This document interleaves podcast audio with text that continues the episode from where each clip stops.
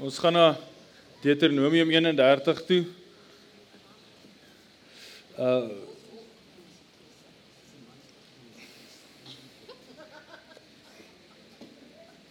En ek hoop vir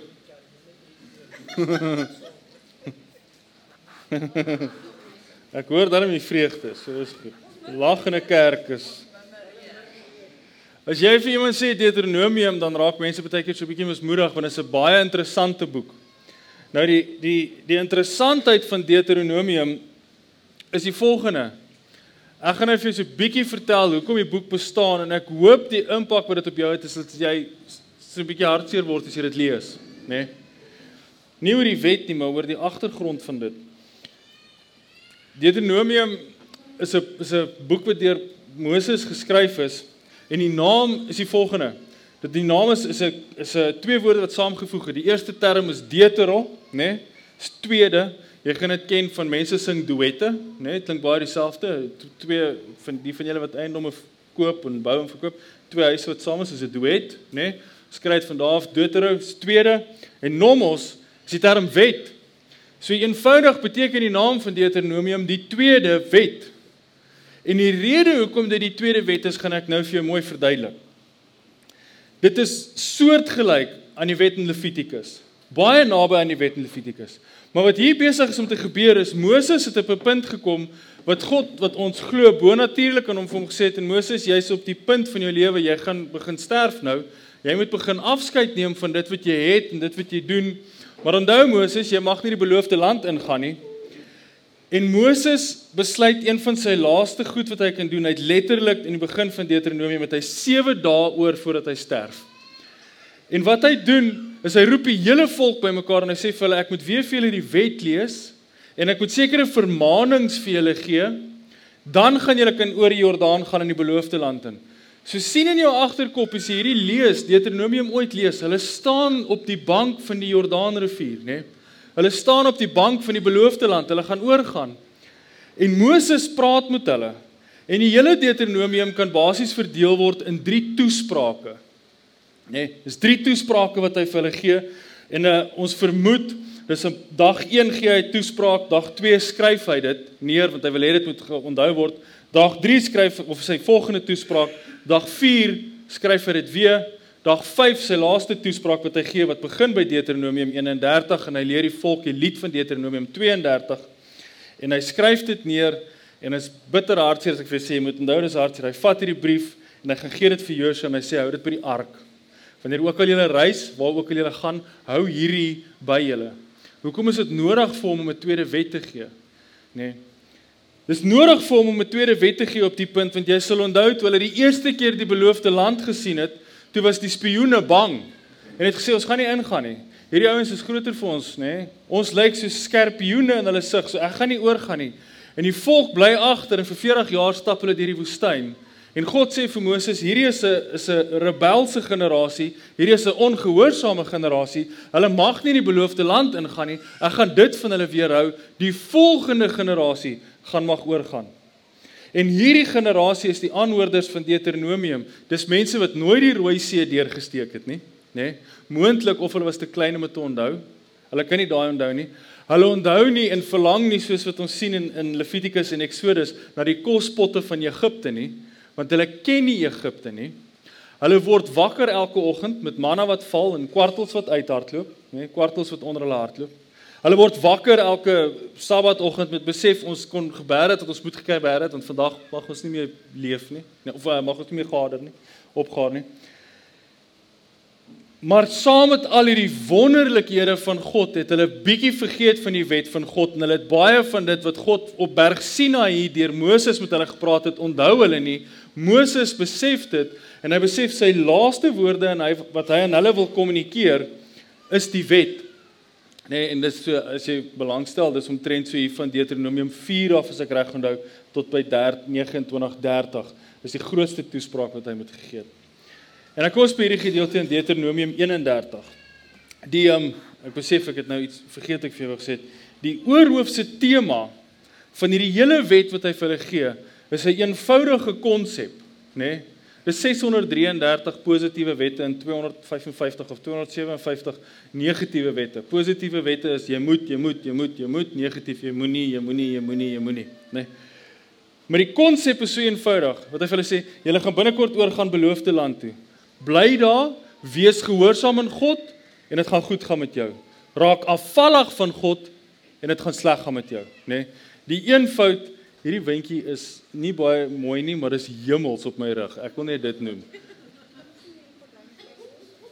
Julle ja, almal vra hy moet oop bly.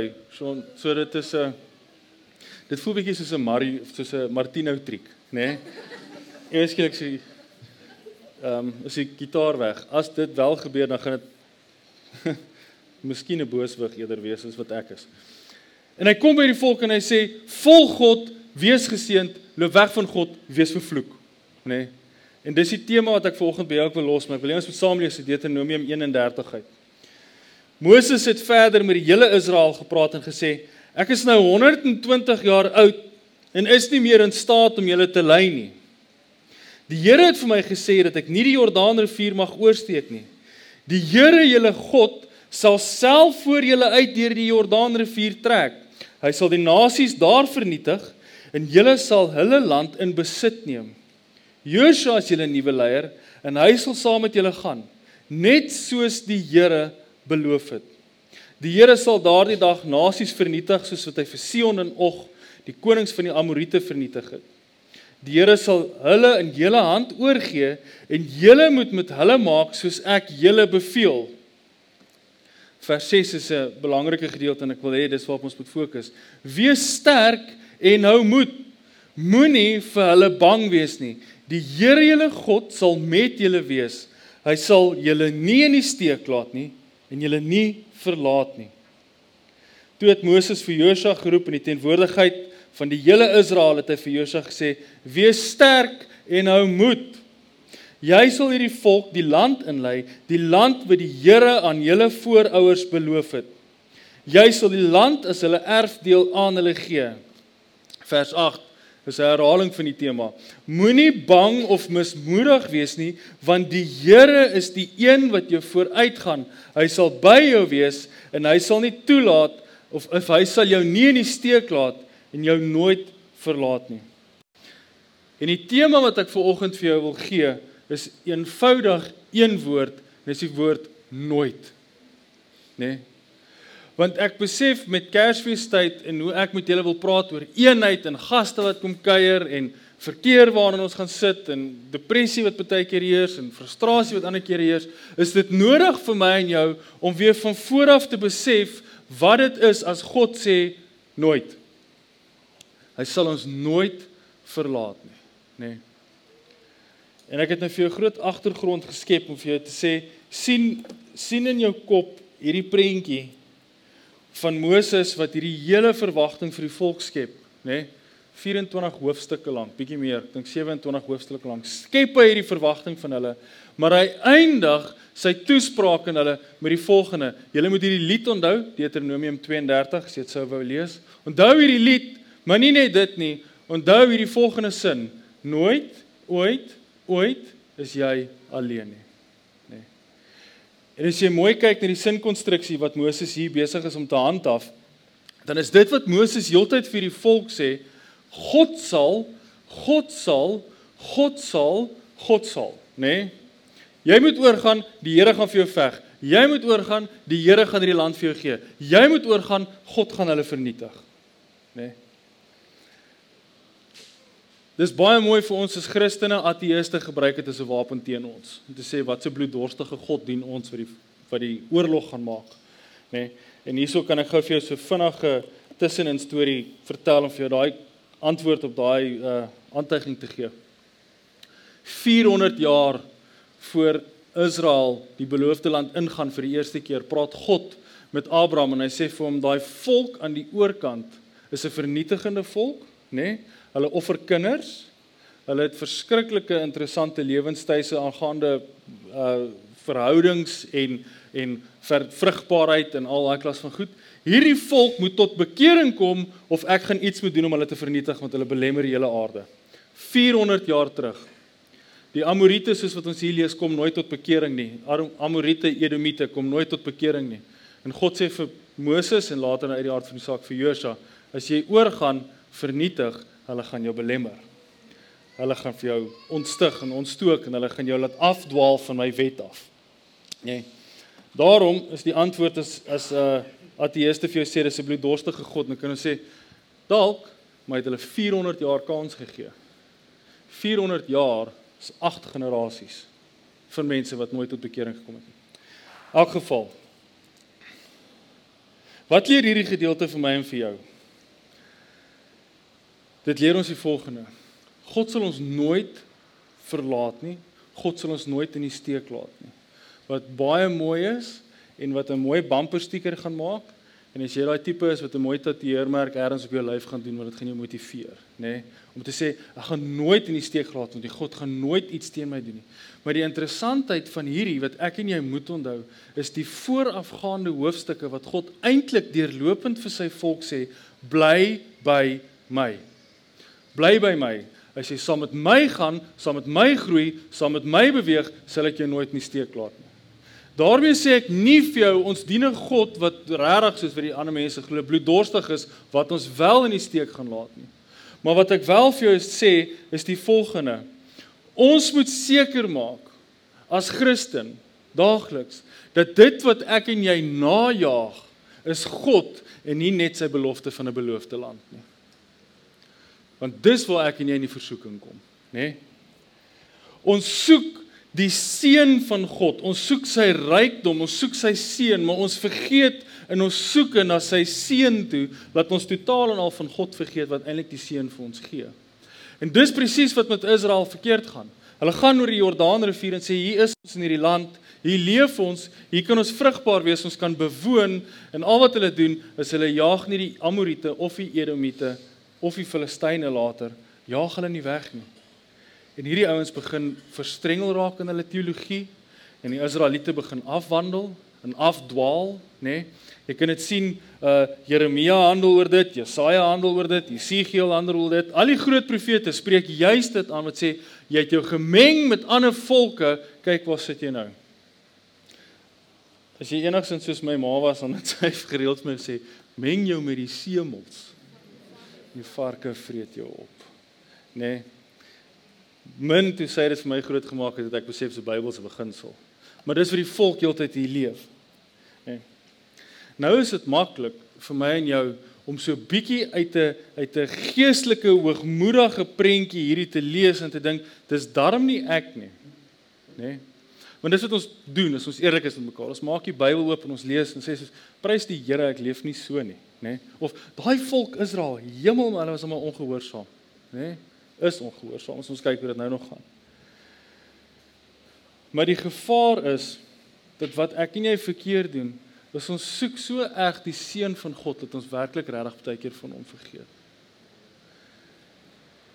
Ons is so ingestel op die beloofde land. Ons is so ingestel op God se beloftes dat wanneer hierdie beloftes nie gebeur nie, dan voel ons hy het ons in die steek gelaat en dis wanneer ons ons rug draai op die evangelie, né? Nee?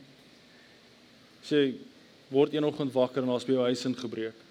Dis is soos maar ek dog jy beskerm my Psalm 127. Sê die Here beskerm die wat as die Here nie beskerm nie dan waak die wat waak te vergeefs. Né? Nee? Help nie het MSEK nie, vertrou nie vir die Here nie, dis wat ons vir mekaar sê.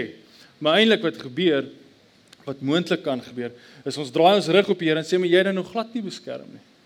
Dan is die flip side, ek en jy as Christene kom nie uit en sê, weet jy wat het jy verkeerd gedoen? Jy was te lief vir daai selfoon. Dis hoekom die Here hom weggevat het. Nee? Het iemand al dit vir julle gesê? Ek het al rou berading gedoen met ouers wat ander mense vir hulle gesê het jy was te lief vir jou kind, dis hoekom God hom kom haal het.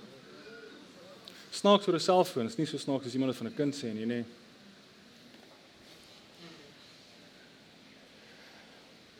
Ons beloofde land moet ons nooit van afwyk is die verhouding wat ons met die Here Jesus het nie. Dis ons beloofde land. Ons sit hier, ons is net getroud, pas getroud dalk en uh onmiddellik gaan oupas en oumas jy begin elmboog en sê ek soek 'n kind en jy sê nie nou nie, nie nou nie, nie nou nie en oor 10 jaar kom jy agter nou is verby en daar's nie 'n kind nie en jy het hierdie diepe hartseer, nê? Nee. Het hierdie hartseer van jou kind het nooit gekom nie. En ons glo en ons voel dat my lewe gaan beter gaan die oomblik wat hierdie kind vir my kom, die oomblik wat daar swanger is, dan gaan dit goed gaan met my en ons vind ons vreugde, ons skuif ons fokus van die voorsiening van God af van na Here, maar waar is jy nou want ek is nooit swanger nie. Nê? Nee.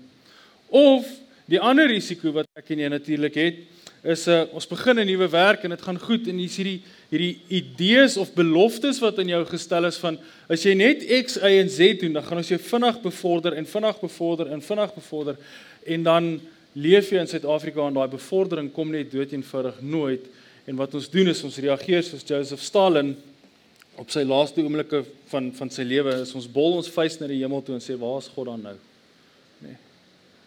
Want die fout wat ek en jy maak en dis die punt wat ek heeltyd vir jou wil beamoen is ons vind ons vreugde en ons soek ons beloofde land baie keer in ander goed is net ons verhouding met die Here.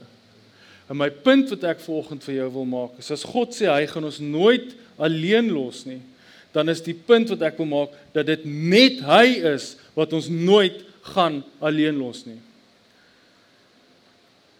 Ek moet vanoggend vir jou sê en ek moet eerlik met jou wees dat besef jy dat daar kom 'n dag wat jy dalk die enigste een wat oor is van jou gesin gaan wees. Dat jou kinders jou gelos, jou vrou het jou gelos en hier staan jy. En ek besef as dit my beloofde land is, want dit klink so mooi want ons sê vir mekaar in hierdie in hierdie in die in die kerk hier in hierdie gemeente is een van die punte wat ek gereeld vir jou maak, familie eerste ten alle tye. Familie eerste. Moenie jou tiende vir die kerk gee as jou kinders nie kos het nie. Familie eerste, nê? Nee? Moenie by die kerk vrywilliglik wees as jou familie jou nie genoeg sien nie. Familie eerste. Dan dink ons dis 'n heilige begeerte en dit is 'n heilige begeerte, maar partykeer soek ons ons beloofde land in dit, nê? Nee? My vreugde hang af van die sukses van my kind. My vreugde hang af van hoe ek en my vrou met mekaar oor die weg kom. En eintlik hang jou vreugde af van wanneer laas jy tyd op jou knieë saam met God spandeer. Of baie tyd op jou knieë saam met God spandeer.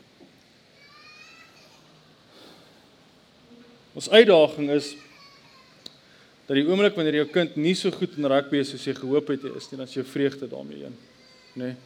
Of jou uitdaging is jou jou jy leef jou lewe 100% projekteer jy op jou kind en sy sukses is wat van jou afhang, nê? Nee? Sy sukses, daar's baie flieks natuurlik wat oor dit gaan, maar sy sukses of haar sukses is jou sukses. En tot 'n manier is dit waar, maar ons vergeet as ouers ons plig as ouer is dood eenvoudig om jou kind heeltyd te leer om sonder jou oor die weg te kom. Wat totaal en al counterproductive is, maar dis ons funksie, nê? Nee. My pa, ek het ek, ek het al die storie vir jou vertel, maar my ehm um, Zulika was 'n bietjie geskok toe sy by die Detoys aankom want ons stry baie. nê? Nee. Ons stry omtrent net. oor eenvoudige goed. En ons altyd 'n kompetisie van een of ander soort. Ek dink dit is so as jy seuns sit want ek sien dit nou wat dit gebeur natuurlik by my huis so.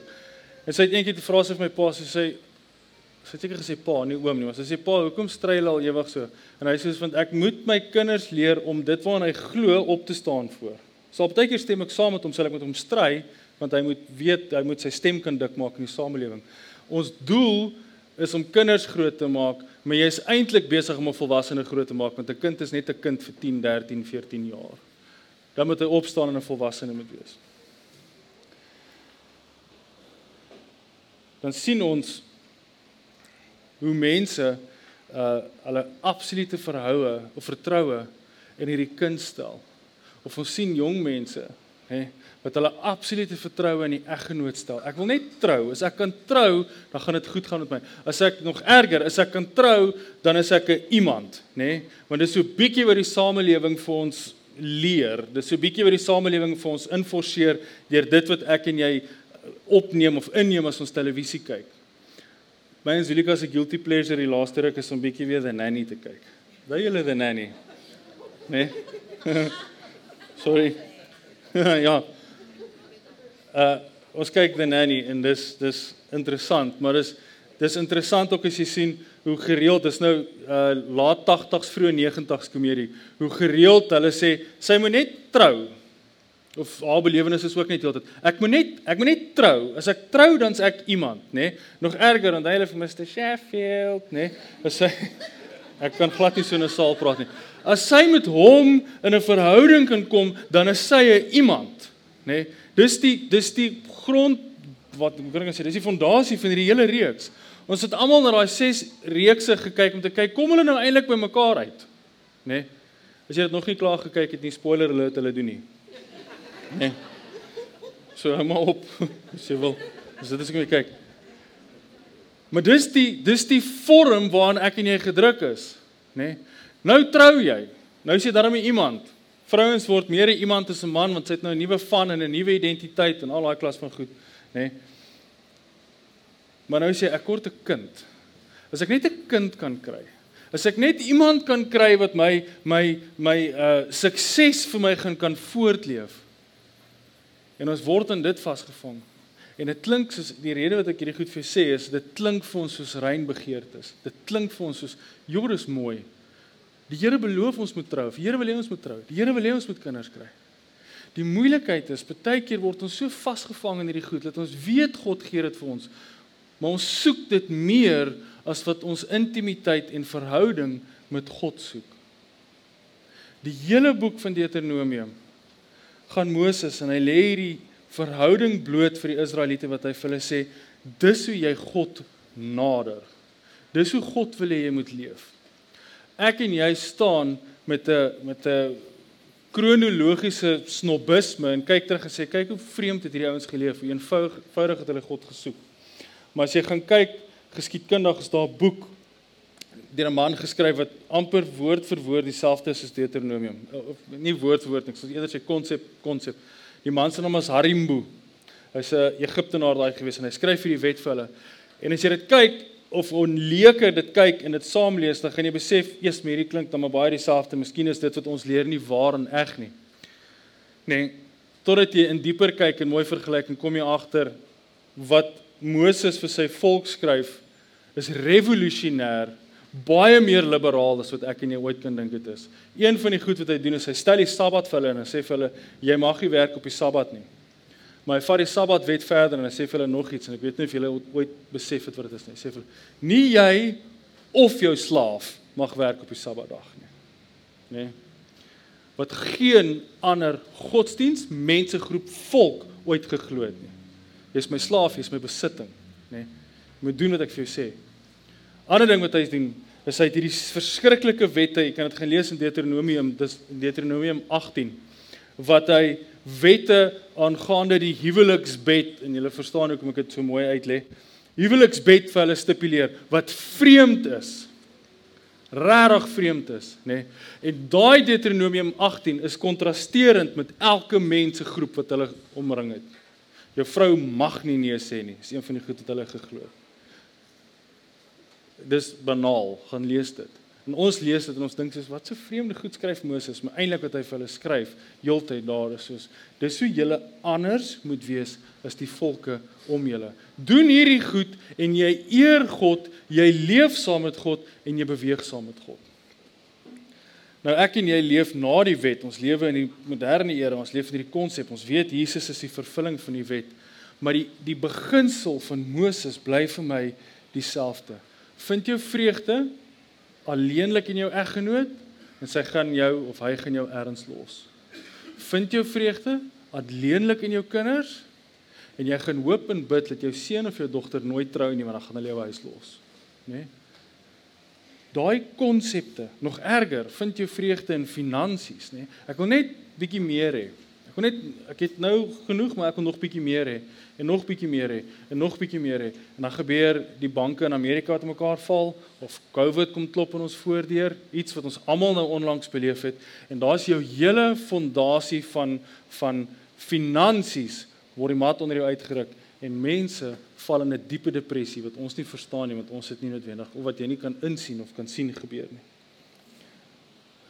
As God aan ons die belofte maak van nooit dan is sy belofte aan ons Hy sal nooit. Sy belofte aan ons is nie dat eggenoot ons gaan los nie. Sy belofte aan ons is nie dat ons finansies dit nooit gaan maak nie. Sy belofte aan ons is nie dat ons nooit gaan kinders kry of dat ons gaan kinders kry of dat daar slegte goed met ons kinders gaan gebeur nie. Sy belofte is eenvoudig bitter persoonlik met ieder en elk van ons. Ek sal jou nooit verlaat nie. Ons het uh verlede week Sondag toe praat ons by in in aandklas oor hoekom gebeur slegte goed met goeie mense. En terwyl ons so praat en daar's baie mense en daar's baie stories en ek soos ek die gesigte hier sien volgens besef ek daar's baie van julle wat wat deur 'n verskriklike tyd of besig is om te gaan of onlangs gegaan het. En ek staan en ek praat en ek besef in die oomblik besef ek die grootsheid en die mooisheid van dit dat ek ken baie Christen mense met wie vieslike goed gebeur het of hulle het gevra het of nie uit die hart van die saak mense vra nie sulke goed nie nê vir jou hoop dit gebeur nooit. Maar ek ken baie Christen mense as ek na hulle lewe kyk dan vra jy jouself die vraag af ek sou dit nie maak nie nê en die interessantheid van dit is as jy nou na hulle lewe kyk hulle almal sê uit een mond uit my verhouding met die Here is beter omdat ek daardeur is en dit gebeur enige iets van bankrotskap tot die afsterwe van eggenote. En die grootste sonde van alles is 'n kind dood is. En hierdie mense sê met 'n glimlag, met 'n glimlag, daai wat ons net gesing het van vrede wat ons nie verstaan nie, kyk jou aan met 'n glimlag en sê vir jou my verhouding met God is beter. Nee. Dit is wat God beloof as hy vir my en jou sê nooit sal ek jou los nie. Nooit. Finansies kom en gaan, eggenote kom en gaan. Misdaad klop aan jou deur. Kinders trek oor see. Klein kinders gaan nie saam met jou vark bou te Kersfees nie. Nooit gaan God jou los nie. Dis iets wat ek en jy moet koester. Nê, nee, ten alle tye. Nooit gaan God jou los nie. Nê. Nee. Vir ons nagmaal gebruik wil ek vir jou 'n gedeelte voorlees. En ek besef nou ek het nie my foon by my nie, maar dit is 'n gedig wat geskryf is deur 'n man met die naam Thomas Bailey.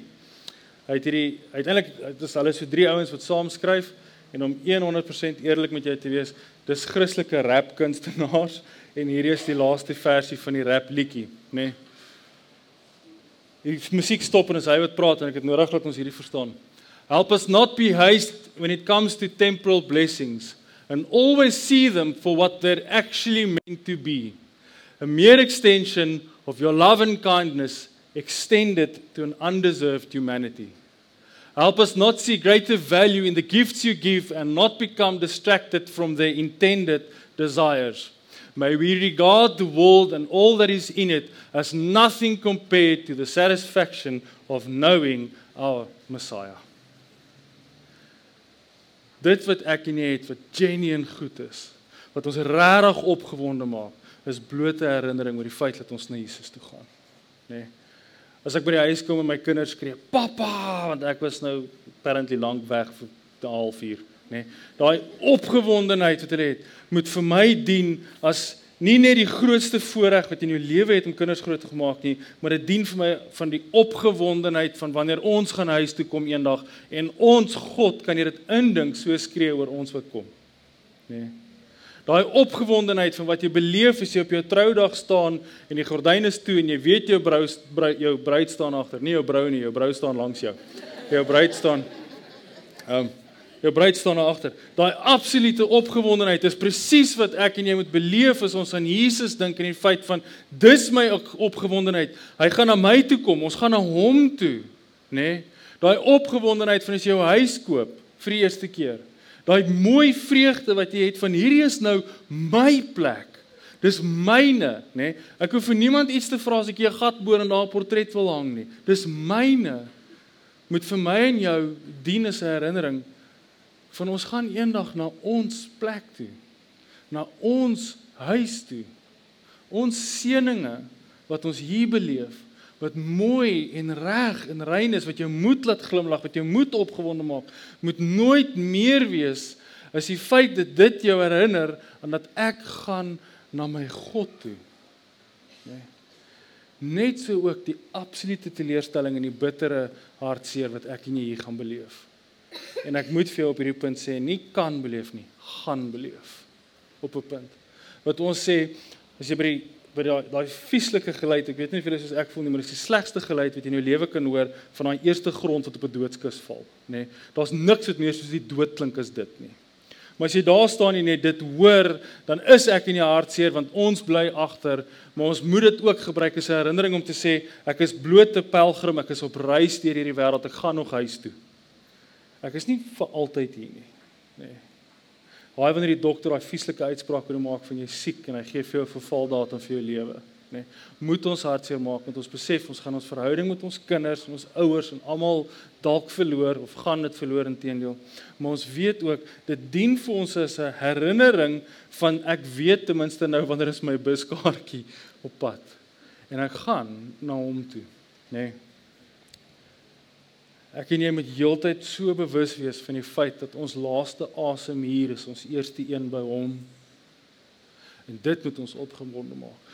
Daai is eintlik die beloofde land, nê? Nee, die beloofde land wat Moses vir die Israeliete beloof het is die land waar daar vandag terwyl ek en jy hier staan is daar konflik en daar's musiele en daar's oorlog en daar's vrouens en kinders wat vermoor word. Dis nie die beloofde land wat God vir hulle beloof het nie. My en jou, ek en jy wat hier sit, weet ons gaan nog na die beloofde land toe. Ons gaan nog na die land van melk en honing toe, nê. Nee. En dis op ons voorstoep. En ons weet ons gaan soontoe want God het vir ons gesê gaan jou nooit los nie. Nooit. Maak nie saak wat met jou gebeur in feestyd nie, Kerstyd nie. Maak nie saak hoe alleen jy voel nie. Maak nie saak jy voel daar's niemand om jou nie.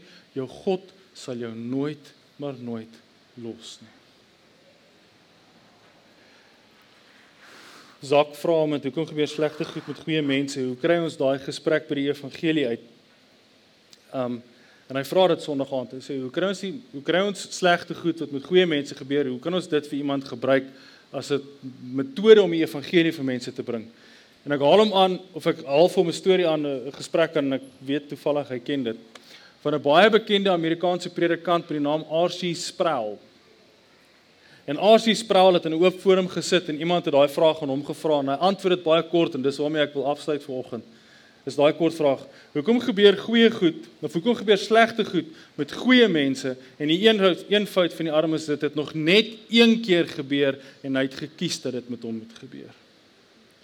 Wanneer ek en jy sê waar's God nou, dan moet dit 'n retoriese vraag wees want ons weet eintlik waar's God en ons voel dalk ver, maar weet jy dat daar 2000 jaar 'n man in 'n kruis gehang het, vermink was, bebloed was met sy rug wat oopgeskeer is, gesê het Here, nou is jy nie meer by my nie terwyl hy moes geveg het vir asemhaling, sy oop rug geskuur het teen die stompe. Dis nie 'n mooi gladde kruis soos daai wat Frikkie vir ons gemaak het nie. Dis 'n boomstomp, nê. Nee. Hy skuur op en af om asem te haal totdat hy uiteindelik sterf van uitputting. Ek weet nie of jy geweet het nie, maar dis of hy nie dood gaan in die kruis. Terwyl hy daar hang, sê hy, nou is jy nie meer by my nie. En ek glo vas in die 34 jaar wat Jesus geleef het, is daai die eerste keer wat hy gebid het en hy het nie 'n antwoord gekry nie. Hy het stilte gehoor vir beset toon of wat ook al. Volgens ek en jy nagmaal gebruik. En wil ek hê ons moet nagmaal gebruik, maar ons moet onthou dat God ons nooit gaan los nie, want hy het nog net een keer dit gedoen en dit was vir Jesus en dit gaan nooit vir my en jou gebeur nie. Mag ons konstant herinner word deur die gebruik van nagmaal dat ons is nog op pad na ons beloofde land. En dit wat ek en jy nou het, kan vashou, kan koester, kan druk en soen is nie ons beloofde land nie. Ons beweeg nog net bloot deur na dit toe. Here, soos ons gaan na u tafel toe. Here, soos ons gaan om nou u brood te eet, nie sap te drink wat ons dink aan u liggaam, aan die bloed wat vir ons gevloei het. Here, mag ons dit gebruik en beleef en mag dit ons herinnering wees vandag vir die week van voorlê van die pelgrimstog waarop ons nou is, die deurganstog waarop ons nou is om eendag die absolute opgewondenheid te beleef in ons beloofde land.